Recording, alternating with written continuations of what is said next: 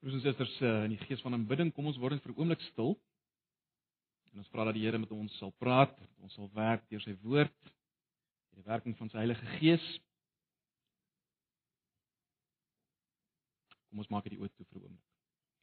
Ag Here, baie baie dankie dat ons nou na U kon kom, kan kom. Dankie vir wat ons reeds vanoggend kon hoor van U werk. Here, ons weet dis U hart dat mense, gebroke mense, stikkende mense tot redding kom, tot geloof in U. Dis waarvoor U ons stuur om soos U te beweeg in hierdie gebroke wêreld om die koninkryk laat sigbaar word en sodat mense genees kan word, gered kan word, heel kan word. Ons dankie vir dit wat ons kon hoor oor Pretoria Wes. Here, dit is ook nou ons gebed dat U in hierdie oggend nou deur U woord met ons sal praat. Ons sal bemoedig en sal versterk. Ons denke sal vernuwe oor U opnuut sodat ons juis Here soos U in die wêreld kan inbeweeg as individue en as U liggaam. Kom Here, kom praat met ons. Ons verwagting is van U. Ons verlange is na U. U ken ons. U ken my en my gebrokenheid en my sonde. Maar dankie vir U genade, U vergifnis, U herstel. Dankie dat ons met vrymoedigheid kan kom na U kan besig wees met U op grond van dit wat U in ons plek gedoen het, Here Jesus. Ons eer U daarvoor in die oggend in Jesus se naam. Amen. Nou broers en susters, ehm um, ek gaan vanoggend afsluit met Genesis. So ehm um, ek wil ons moet blaai na Genesis hoofstuk 50. Die gedeelte wat ons gaan dek is eintlik van in 'n sekere sin ehm um, van 47 tot 50, maar ek wil fokus op uh, die laaste gedeelte in Genesis 50. Ons kom vanoggend aan die einde van van Genesis en ek vertrou werklik dat die Here uh Genesis gebruik het in jou lewe. Uh sekerlik vir my het 'n hele paar dinge nuut oopgegaan, nuut bevestig. Ek vertrou dat wat ons vanoggend oor gaan praat ook ons gaan help. Daar's soveel meer wat 'n ou kan sê, maar uh ek vertrou dat ook vanoggend bulpsam sal wees, vernuwend sal wees. Kom ons lees in Genesis 50 net vanaf vers 15 tot die einde. Ehm um, Genesis 50 vanaf vers 15 tot die einde.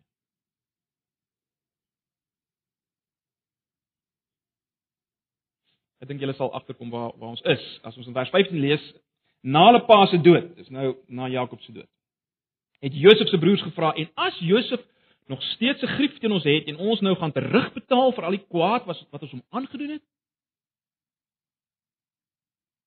Daarop het hulle 'n boodskap na hom toe gestuur. Voor sy dood het u vader beveel: "Julle moet vir Josef vra om tog die groot misdaad teen hom, die onreg wat julle hom aangedoen het, te vergewe. Vergeef ons tog nou die misdaad. Ons dien ook die God van die Vader." Josef het gehuil oor wat hulle vir hom laat weet het. Daarna het die broers na Josef gegaan en voor hom op hulle knieë geval en gesê: "Hier is ons voor u. Ons is u slawe." Maar Josef het hulle geantwoord: Moenie bang wees nie. Ek is nie God nie. Julle wou my kwaad aandoen, maar God wou daarmee goed doen. Hy het gesorg dat 'n groot volk nou in die lewe gebly het. Moenie bang wees nie. Ek sal sorg dat julle en julle kinders kos het. Josef het hulle jammer gekry en hulle gerus gestel. Vers 22 Josef het in Egipte gebly, hy en sy hele familie. Hy het 110 jaar oud geword. Hy het die kleinkinders van Efraim gesien en hy kon nog die kinders van Manasse se seun Maker as sy eie aanneem. Josef het vir sy broers gesê: "Na my dood sal God na julle omsien." En hy sal julle uit hierdie land uit laat trek na die land toe wat hy met 'n eed beloof het aan Abraham, Isak en Jakob.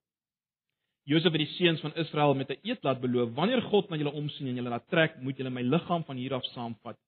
Josef is dood toe hy 110 jaar oud was. Hulle het hom gebalsem en hom daar in Egipte in 'n kus gesit. En dis die einde van van Genesis. Nou broers en susters, ek wil vanoggend begin met twee stellings. Die eerste stelling is dit: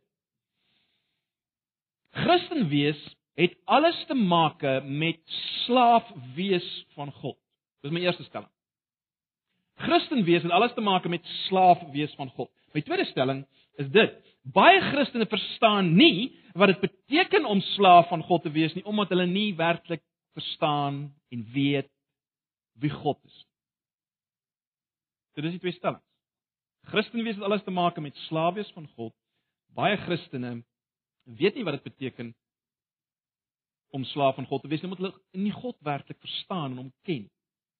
Nou, ek is oortuig broers en susters dat die Heilige Gees uh uit hierdie laaste verse van Genesis uh hierdie waarheid en hierdie probleem wat ek nou uitgelig het, want ek het 'n basiese waarheid en 'n probleem uitgelig. Uh ek is oortuig dat die Heilige Gees in hierdie laaste verse op 'n baie interessante manier hierdie waarheid en hierdie probleem wat ek nou uitgelig het vir ons wil belig. Of om dit anders te stel, ek is oor, ek is oortuig dat die skrywer onder leiding van die Gees uh op 'n eerste vlak vir die volk Israel en op 'n tweede vlak vir ons wil laat verstaan dat kind van God wees behels slaaf van God wees, maar van 'n God wat totaal anders is as wat ons gewoonlik dink. Kom ek stel dit anders, ek wil waag om te sê die toets of jy Genesis verstaan het tot op hierdie punt lê in 'n sin hierin. Verstaan jy wat dit beteken om slaaf te wees van die God wat totaal anders is, gans anders is? Okay, ek weet jy sal nou sê Jakobus hoe op aarde kom jy daarby uit? Wel, kom ons kyk na hierdie verse in perspektief wanneer ons uh, wat ons gelees het. Kom kyk na vers 15 tot 20 in perspektief. Nou, wat ons moet onthou op hierdie punt is dit: Josef se hele familie is nou in Egipte, né? Uh hulle bly in die beste deel van die land en hulle het oorvloed. Jakob en Josef se broers. Kyk net miskien vinnig weer na Genesis 47 vers 11 en 12 wat dit bevestig. Genesis 47 vers 11 en 12.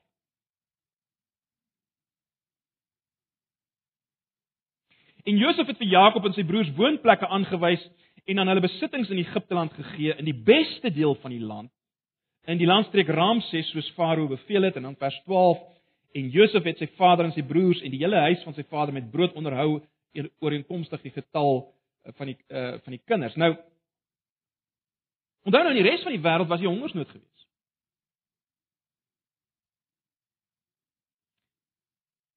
Die res van die wêreld se toestand was haglik en dis waar Josef se hele familie hulle self bevind. Uh in die beste deel van Egipte.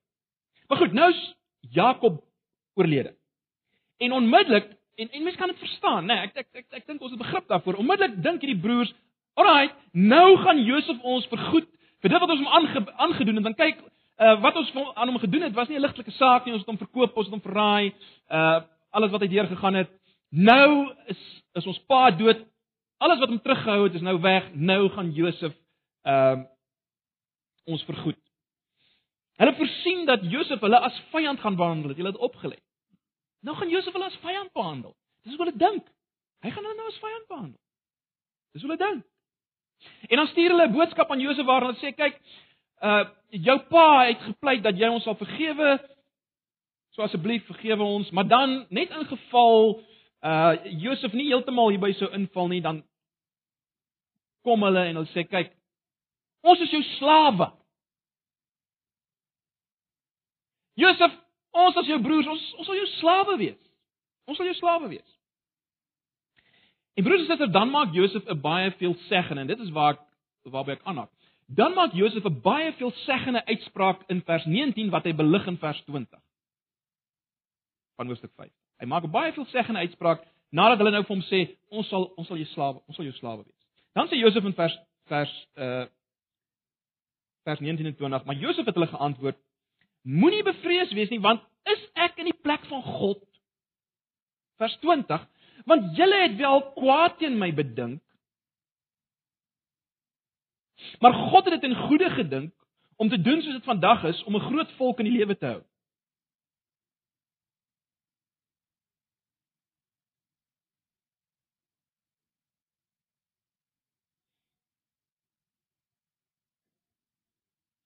Goed, ek dink dit was nou die 53 vertaling. Kom ek lees maar net die uh, 83 vertaling ook vir die van julle wat nou dalk my nie gevolg het nie. Vers 19 sê uh, Josef geantwoord: Moenie bang wees nie, ek is nie God nie. Alraai, dis miskien nog duideliker. Vers 19. Moenie bang wees nie, ek is nie God nie.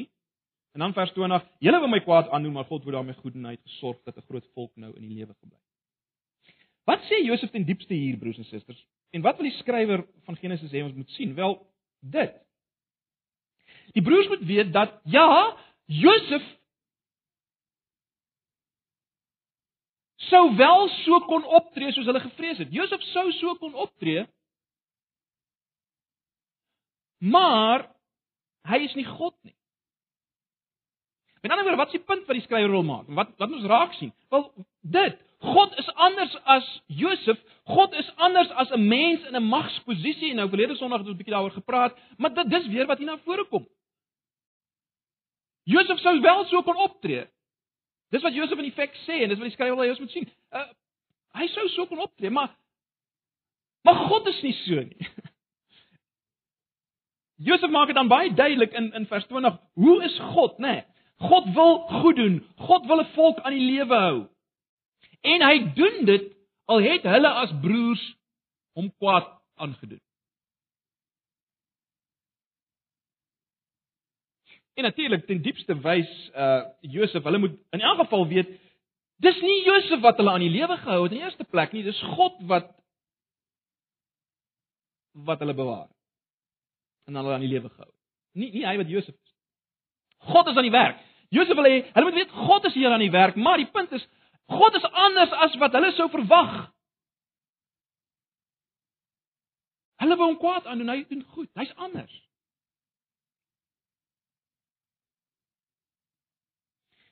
In vers 24 bevestig Josef dit as hy sê: "Na my dood sal God na julle omsien." En hy sal julle uit hierdie land laat trek na die land toe wat hy met 'n eed beloof het aan Abraham, Isak en Jakob.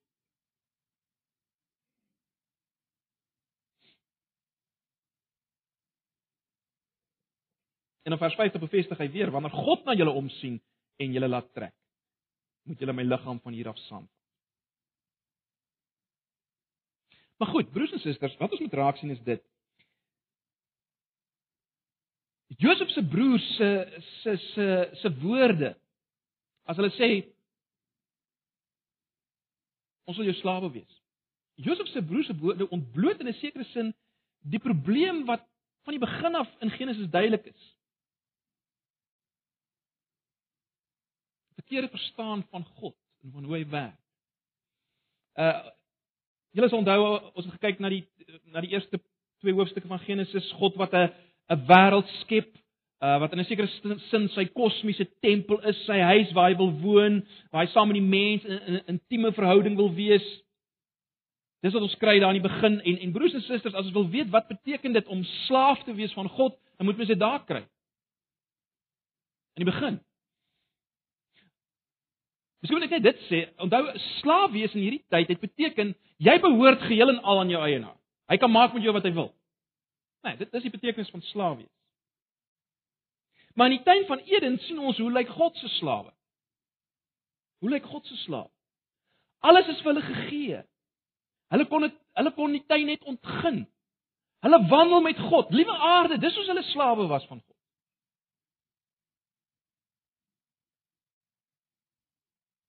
Dis hoe hulle slawe was. Wat was die tragedie geweest? Reeds in die tuin van Eden. Wel die mense het het, het het die mens het uh, betwyfel dat God goed bedoel het. Hulle het God se goedheid betwyfel, net soos Josef se broers sy goedheid betwyfel het wat eintlik die goedheid van God is want dit is God wat wat hulle daar gebring het. Maar maar ons kry dit reeds in die tuin van Eden, né? Mense betwyfel dat God net goed bedoel en daarom luister hulle eerder vir die slang se verdraaiing van God se woorde eerder as om na God te luister. En, en wat is die onderliggende probleem? Die onderliggende probleem is hulle dink God is soos hulle. Die mens dink van die begin af God is soos ek. Met ander woorde, as hy wat mens is God sou wees, ja, dan sou hy bang wees dat die mens soos hy gaan word. En hy sou sorg dat hy nie eet van alles. As hy God was, sou hy beperkend wees. Die punt is God is nie so nie. So ons sien dit aan die begin van Genesis. Ons sien dit aan die begin van Genesis. Dis die probleem. Die hele probleem van die mens. Hy betwyfel God se goedheid en hy dink God is soos hy. Wat kry ons by die toring van Babel net 'n entjie verder? Julle sal onthou ons het daarna gekyk, né? Nee. Ek het julle gesê uh die toring waarvan ons lees daar in Genesis 11 is niks anders as die as 'n sogenaamde wat genoem is 'n ziggurat nie. Uh die heidene het dit gehad vir hulle gode. Uh in 'n sin was dit 'n soort van 'n halfwegstasie tussen die tempel onder en dit waarvandaan die God kom. Kom ons sê dan maar die hemel. En bo was 'n was 'n stoeltjie in 'n in 'n 'n of of of 'n bed en 'n tafel liewers, 'n bed en tafel vir die God. En hierdie was 'n lekker halwegstasie ehm um, op sy pad ondertoe waar hy nou die God nou aanbidding kry en waar hy nou die mense seën vir vir dit wat wat hy gekry het. Wat was die oortreding? Onthou julle ons het daaroor gepraat toe ons na Genesis 11 gekyk het. Wat was die oortreding van die toring van Babel? Wel, dink daaraan. Hulle bou hierdie ziggurat, hierdie halwegstasie vir die ware God. Die God aan wie die hele kosmos behoort, wat die hele kosmos as sy tempel het. Hulle bou vir hom so ding. So wat was die punt? Wat wat was die probleem? Hulle maak God soos hulle. Om dit anders te stel, die probleem by die toring van Babel is was was dat mense God voorgestel het as een wat behoeftes het. So God het behoeftes soos hulle. God is soos hulle. Hy het behoeftes waaraan voorsien moet word. Om sit vir hom 'n bed en 'n tafel daarbo. God is soos hulle. Hy het behoeftes.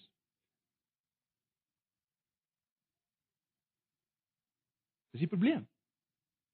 En ek het julle gesê uiteindelik as 'n ehm, as God soos die mens raak, dan kan jy 'n 'n kriminele mens kry met 'n kriminele God. Want hy is soos jy.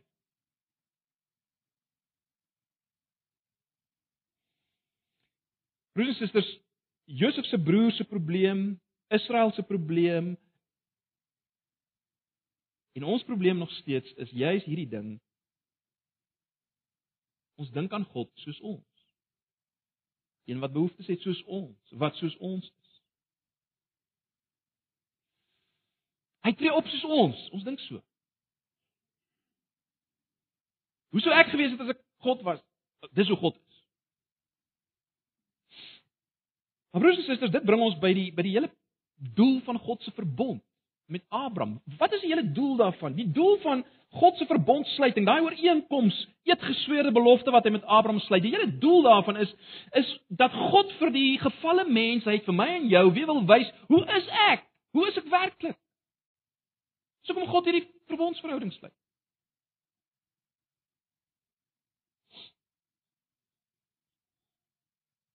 En hy wys vir ons in sy verbond dat hy totaal anders is as ons, né? Nee. Hy wil ons moet kyk na sy verhouding met Abraham. Wie hy sê ek wil vir jou God wees. Jy moet my mens wees. 'n uh, 'n verhouding waarin Abraham eintlik 'n vriend van God is, né? Nee. Dis hoe die slaafverhouding van Abraham lyk. Hy's eintlik 'n vriend van God. Um ongelooflike verhouding wat God met Abraham gehad het. En dan in daardie verhouding moet ons sien hoe is God? Dis dis wat God vir ons wil uitwys. En wat sien ons dan? As ons verder gaan deur Genesis. Ons het daarna gekyk. Kom ek herinner julle net aan wat ons gesien het van hoe God is.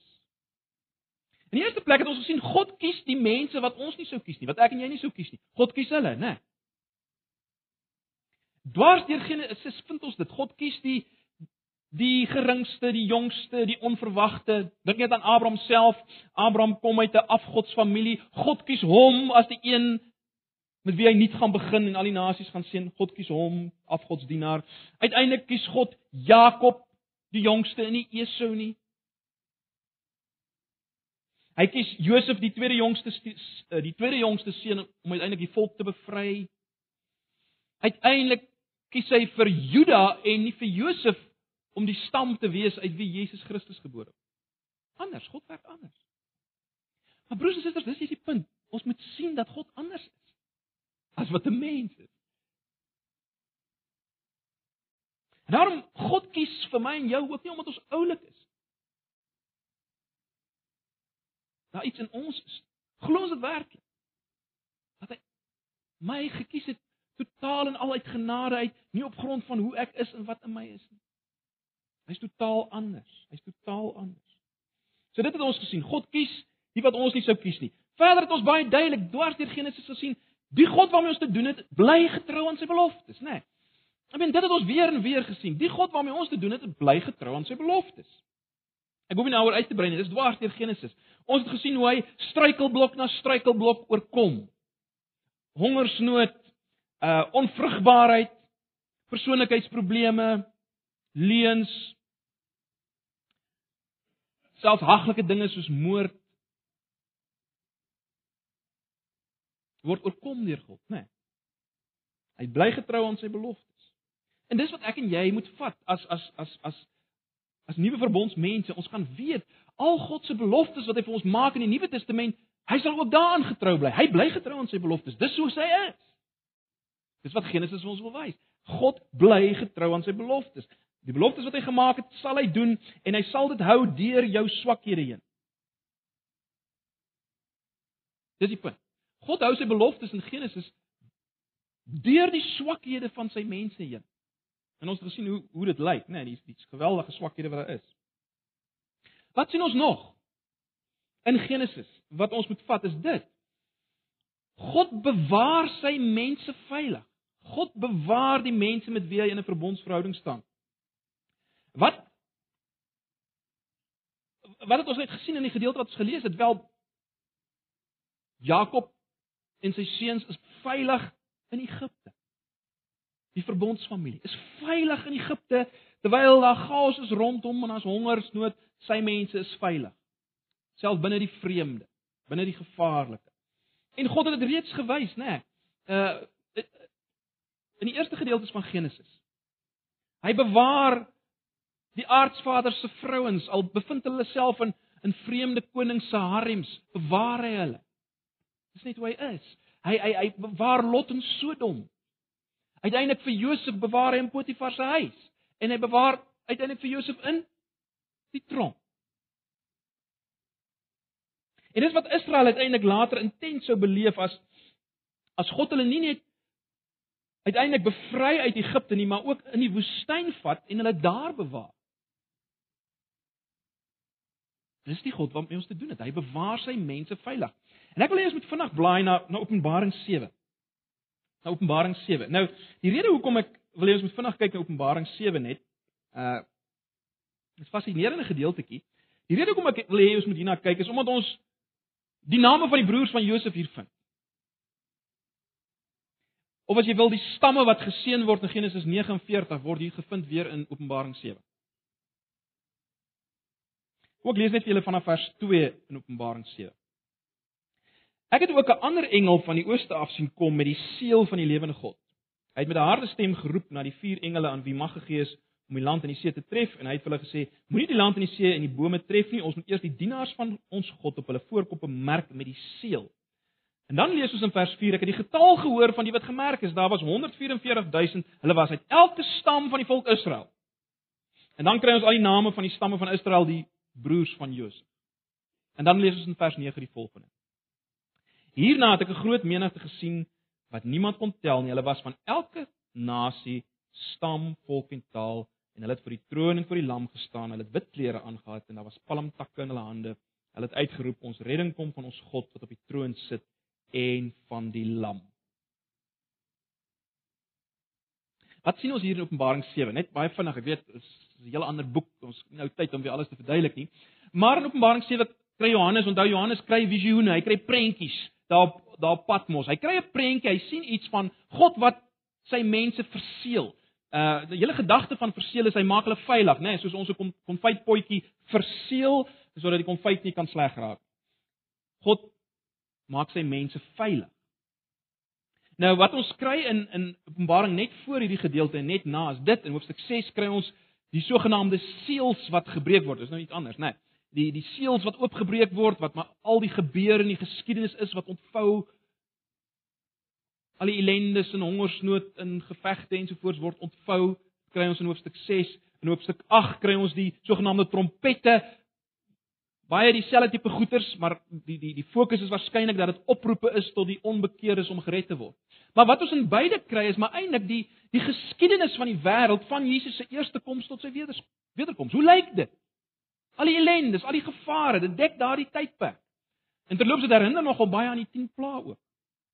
Maar nou te midde daarvan kom God. Dis wat Johannes sien in hierdie prentjie. God kom en hy verseël sy mense. Hy maak hulle veilig. Nou ek dink wat ons moet verstaan is dat dit gebeur as ek en jy tot geloof kom. Efesiërs 1 vers 13 sê ons is beseël of verseël met die Heilige Gees. Dit gebeur as jy tot geloof kom. dan maak God jou veilig. Maar nou baie interessant, wie is hierdie mense wat verseël word? Johannes hoor in sy visioen, hoor hy, dis 144000 uit elke stam van Israel en as hy dan kyk en hy sien iets wel, dan sien hy mense uit elke volk en stam en taal en nasie. Wat is die punt? Broers en susters, die waarheid wat oorgedra word in deur uh, aan Johannes in beelde is dit dat uit elke volk en stam en nasie is mense nou God se verbondsvolk. Né? Nee. Hulle is nou die ware Israel as jy wil. Hulle is God se mense.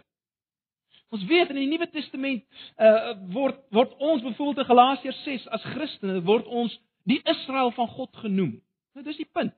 Uh die 144000 staan vir God se mense, God se verbondsmense. Uit elke volk en stam en taal en nasie. So dis wat Johannes sien. Nou wat is die punt? Die punt is God se verbondsmense is veilig. Hulle is verseël. Hulle word bewaar. En die gevolg van hierdie veiligheid wat ons nou al by God beleef is geweldig. Nee, Charles Spurgeon het dit so gestel, hy het gesê eeu, dis nou vir 'n Christen, Ill to him is no ill, but only good in a, in a mysterious form. Losses enrich him. Sickness is, is his medicine. Reproach is honor. Death is his gain. Dit is die gevolg daarvan dat ons veilig is te midde van dit wat gebeur. Al die ellendes wat uitgebeeld word deur die trompette en die seels ensovoorts. Dis God se mense veilig. Hulle beleef dit wat hy in vers 15 en 17 van praat. Hulle is as te ware voor sy troon elke oomblik. Hy hy lei hulle na na na waterstrome. Dit wat ons uiteindelik van aangesig tot aangesig in Openbaring 21 en 22 gaan beleef, beleef God se kinders nou al. Dis waar dis waarvan uh, Openbaring 7 vers vers 15 tot 17 en ek praat, né? Nee. Ons is veilig, ons beleef hom. Ons word deur hom as herder gelei te midde van al die dinge. Maar dit sien ons al in Genesis broers en susters. God se mense is veilig. Glo jy dit? Jy's veilig. Te midde van al die onveilighede rondom jou en jou eie situasie en ons land se situasie en alles ons is veilig. God bewaar sy mens. Hoekom is ons so veilig? Omdat God mens geword het in Jesus, né? Nee. Blaai gou na Genesis 49. Genesis 49. As Jakob sy seuns seën dan dan noem hy hierdie interessante dinge Genesis 49 vanaf vers uh, vers 9 tot 10.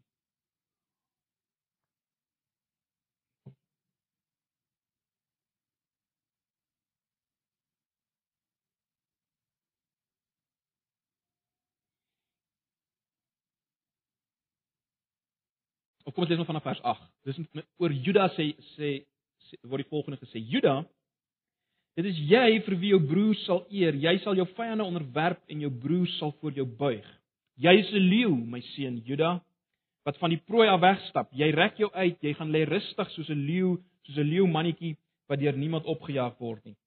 Vers 10: Jy sal altyd heers, jy sal aanhou regeer totdat Silo kom, die heerser aan wie die volke hulle sal onderwerp. Blaai nou na Openbaring hoofstuk 5. Selfe Openbaring. Openbaring en Genesis gaan natuurlik altyd saam. Dis hoekom ek uh, so 'n bietjie spring na Openbaring, né? Nee.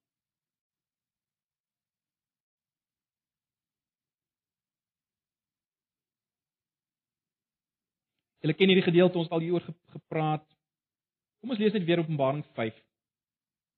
In die regterhand van hom wat op die troon sit, het ek 'n boekrol gesien wat van voor en aan die agterkant vol geskrywe was en wat met sewe seels goed verseël was.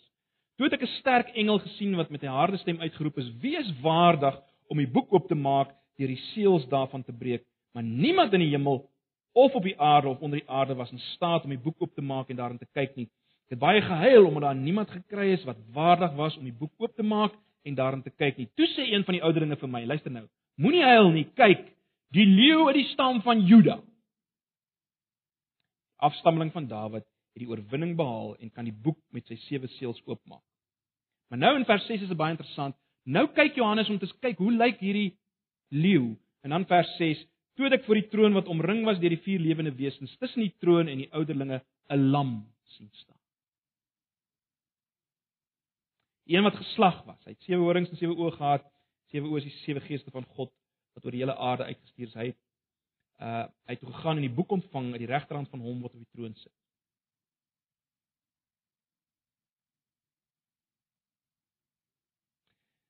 Ons lees dit vers 11. Toe ek rondom die toe het ek rondom die troon en die lewende wesens en die ouderlinge 'n groot menigte engele gesien. Daar was duisende der duisende, ja miljoene der miljoene. Ek het hulle hard hoor uitroep: "Die lam wat geslag was, is waardig om die mag en rykdom, die wysheid en sterkte, die eer en heerlikheid en lof te ontvang." En dan sing die hele skepping weer in vers 13: "Aan hom wat op die troon sit en aan die lam behoort die lof en die eer en die heerlikheid en die krag tot in alle ewigheid." Wat is die punt? Broers en susters, die ongelooflike van ons God is dit dat hy in Jesus mens geword het, uit die stam van Juda 'n mens geword het, maar hy is ook die een wat mag het om die seels oop te breek. Nou die seels staan vir die ontvouing van die hele geskiedenis en dit was as jy nou aangaan lees in Openbaring sien jy dit. Wie kan dit doen? Wie is in beheer daarvan? Wie wie laat dit ontvou en en is, is deur kruis dit soos ons al met mekaar daaroor gepraat het. Wie is die een? Wel is die leeu uit die stam van Juda. Die wat verbind is aan sy verbondsmense. Maar hy's 'n leeu, hy's kragtig en magtig soos 'n leeu. Maar hy's ook die lam. Ons het al baie daaroor gepraat. Hy's ook sag en teer en sensitief. Hy's die lam wat ons ges, wat geslag is en ons losgekoop het uit elke volk en stam en taal en nasie. Hy het ons losgekoop met sy bloed. Hy is die een by wie ons veilig Dis hoekom ons veilig is. Né? Nee, dis hoekom ons veilig is. As gevolg van die werk van die leeu wat die lam is. Geweldig, broers en susters. Hy is die een wat in, in beheer is in 'n sekere sin van al die rampe en ellendes in die geskiedenis. Hy deurkruis dit en maak van negatiefes positiefes. Hy's die leeu. Maar hy het ook 'n verstaan van ons swakheid. Hy's die lam, hy's by ons. Dis hoekom ons veilig is.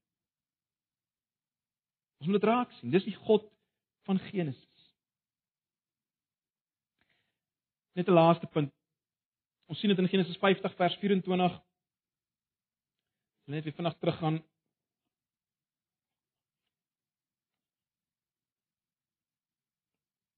Genesis 50 vers 24. Josef het sy broers gesê: "Na my dood sal God na julle omsien en hy sal julle uit hierdie land laat trek na die land toe wat hy met 'n eed beloof het. Ons weet dit het gebeur. God het vir sy mense weer 'n plek gegee soos hy beloof het. Hy het dit aan Abraham beloof, né? Ek gaan 'n land gee vir jou nageslag. Weer 'n plek waar jy gaan wees soos in Eden. Waar God se mense op sy plek was onder sy beheer, in verhouding met hom en in verhouding met mekaar. God gaan dit weer gee. Nou die land Israel was in 'n sekere sin in 'n in 'n mikrovorm dit wat Eden was. Dit is interessant hoe daar geskryf word oor die land. Ons sal nou dit raak sien as ons besig is met Eksodus. Geweldig. Hierdie land is is wonderlik.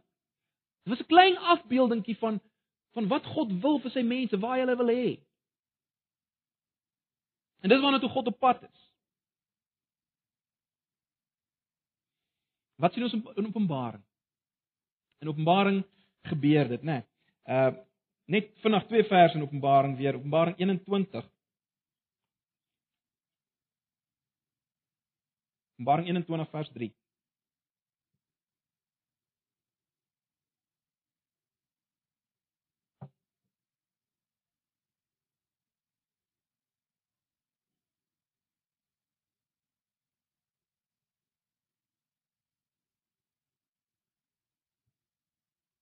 Openbaring 21 vers 3. Toe het ek 'n harde stem van die troon af hoor sê: "Kyk, die woonplek van God is nou by die mense. Hy sal by hulle bly en hulle sal sy volke wees en God self sal by hulle wees as hulle God." Dan gaan hy aan en hy sê hulle sal hy sal hulle trane afvee en so meer, maar wat is die punt? Die Bybel begin in Genesis waar God by sy mense is as hulle God. Die Bybel eindig in Openbaring.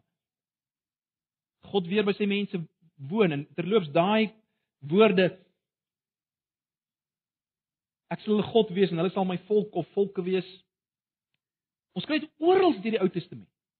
Tot in Hebreërs 8 weer die Nuwe Testament. Dis die ek praat altyd van die verbondsformule, né? Ek sal julle God wees, julle my volk. Dis waaroor die hele Bybel in gaan. Dis God wil in daardie verhouding met ons staan. Wat was in Eden afgebeeld is in die verbondsverhouding met die volk en uiteindelik vir ewig daar gaan wees, 'n verbondsverhouding met God. Broers en susters, dis wat God vir sy mense wil gee. Ons het nou al die Gees as 'n as 'n eerste bewys van dit wat kom, ons besitting wat kom, nê, nee, die die land wat kom. Maar nou al kan ons 'n tuiswees beleef saam met God, saam met hom. Uh Dis wat hy wil hê. Hy wil hy wil woon by sy mense. Broers en susters, dis die God wat ons as as slawe dien. Jy hoor, dis heel anders as ons gedagtes oor wat slaaf is, né? Nee, en en, en da, daarmee wil ek afsluit. Ek ek hoop ek en jy het duidelik gesien in Genesis wie ons God is van die begin af. Van die begin af, hoe is hy? En ek hoop ek en jy is oortuig daarvan dat om sy slaaf te wees is iets totaal en al anders. Ja, ons is sy slawe, wat beteken ons behoort geheel en al aan hom. Hy kan maak met ons net wat hy wil. Ons is absoluut sy besitting, verseker. Maar sê vir my, Kan mens die besitting wees van iets en iemand heerliker as van God? Wil jy anders as sy slaaf wees? Dit is nie 'n beter plek om te wees as slaaf van God nie. Daar's nie 'n beter plek om in die hande te wees van God wat kan maak net wat hy wil met jou nie, want hoekom? Dis hoe hy is. Al die goed wat ons gesien het.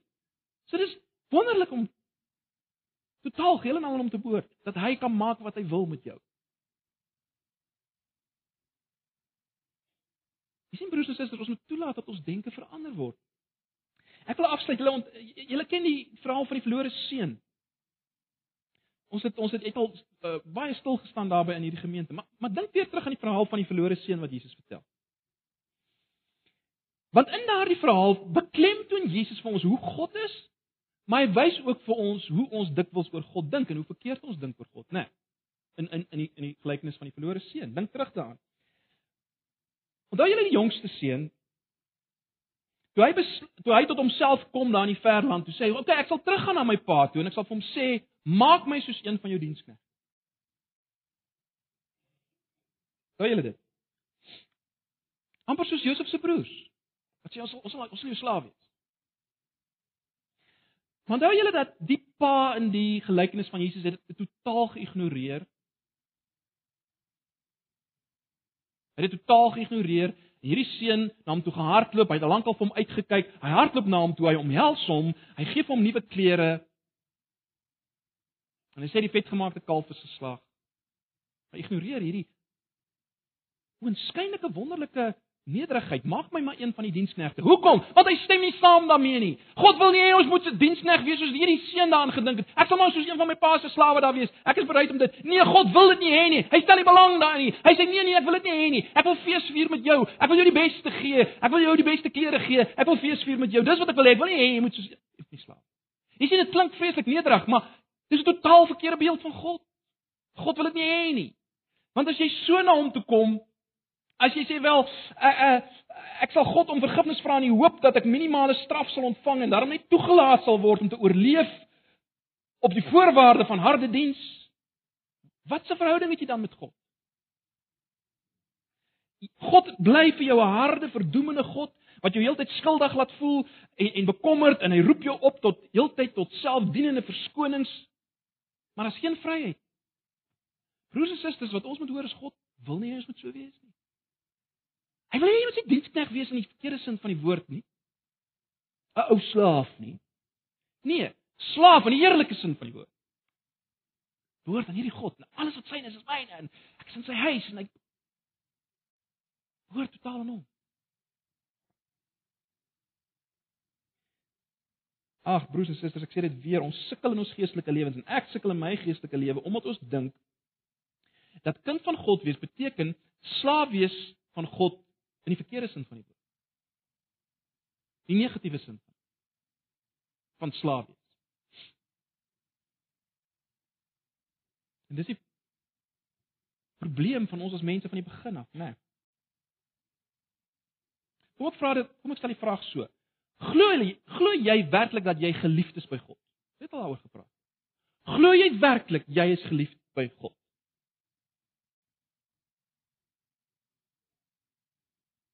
Jy sien hierdie seun in die verloor in die gelykenis van die verlore seun het nie meer geglo hy's geliefd by sy pa nie. Maar kyk wat hy alles gedoen. En en en, en, en dit kan mos onmoontlik wees as hy dit gedoen het dat God Josef se broers. Nee, hy het ook so gedink. Dit is onmoontlik dat dis jy so God is. Hy's hy doen nie totaal teenoorgestelde. Hy's nie soos ons nie. Jy's geliefd by hom. Net so geliefd soos Jesus was toe hy die stem gehoor het by sy doop wat sê dit is my geliefde seun in wie ek welbaai. En net daarna kom die duiwel en die duiwel wil hom laat twyfel daaraan, né? Dis nie regtig so. Al daai versoekings. Broers en susters, dis ons probleem en dis wat die duiwel wil hê ons moet ons moet twyfel aan dat ons geliefd is en wat wat gebeur dan? Dan soek ons op ander plekke die stem wat vir ons sê jy's geliefd. Verskeie op 'n verskeidenheid van plekke en op verskeidenheid maniere probeer ons by ander plekke, by ander mense, in ander dinge wat ons doen, hoor ek is geliefd by God. Want ons glo nie dat ons geliefd is by God. Ons word ons word ons ons aanvaar my as 'n as 'n slaaf. Nie verkeerde sin. Nee, dis ons dink. Ag broers en susters, my gebed is regtig dat dat ons na Genesis anders sal dink. Omdat ons sien van die begin af hoe is God, nê, nee, van die begin af. Die tragiese is dat ons so dikwels uh geestelik gesproke soos die verlore seun raak en en en soos Josef se broers, né? Nee. Ons gaan soek op ander plekke vir onvoorwaardelike liefde in plaas daarvan om dit by God soek. Sal ons nie terugkom en en en en dit by die Here self soek nie. So ek ek, ek sluit af daarmee, broers en susters, ja, ek en jy is slawe van God. Wat beteken alles wat ek is behoort aan hom. Hy het seggenskap oor my hele lewe, oor elke aspek. Alles wat ek dink, alles wat ek sê, alles wat ek doen, alles wat ek besit. Hy het beheer oor alles en sê oor alles. Hy kan maak met my net wat hy wil. Hy's soewerein. Maar dis die heerlikste heerlikste plek om te wees.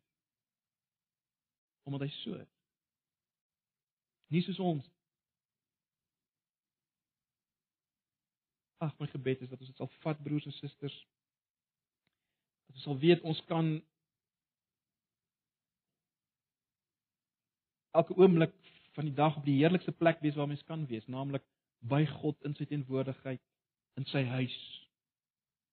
Hy en ons as sy slawe. Mag die Here gee dat ons dit werklik sal vat. Ek wil vra Dit is nou ter afsluiting elkeen by onsself net dit sal bid. Here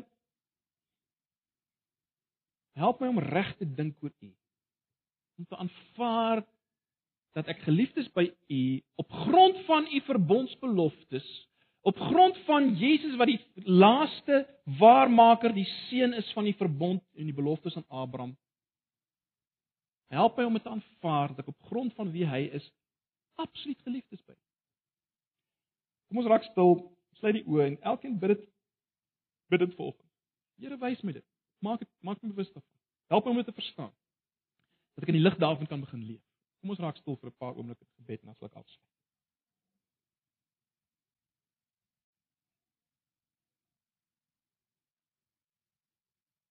Ag Here, baie dankie vir die boek Genesis. Dankie vir dit wat ons kon sien van U. Wat U wil van die begin af vir die mens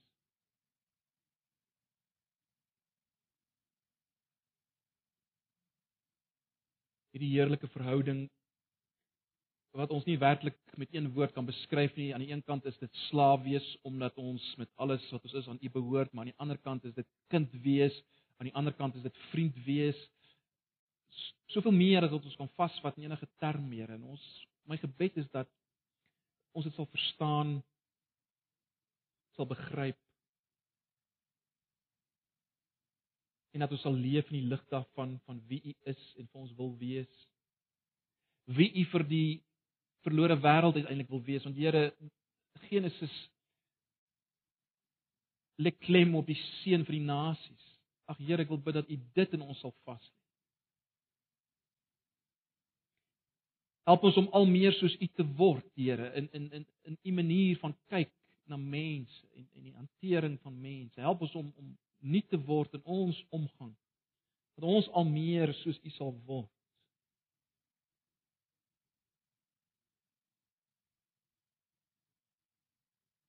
Dat ons al meer die kwaad sal deurkruis met die goeie met liefde. Asseblief, Here. Bly dit vir myself vir elkeen van ons hier, vir ons as gemeente, asseblief. Ons vra dit in Jesus se naam. Amen.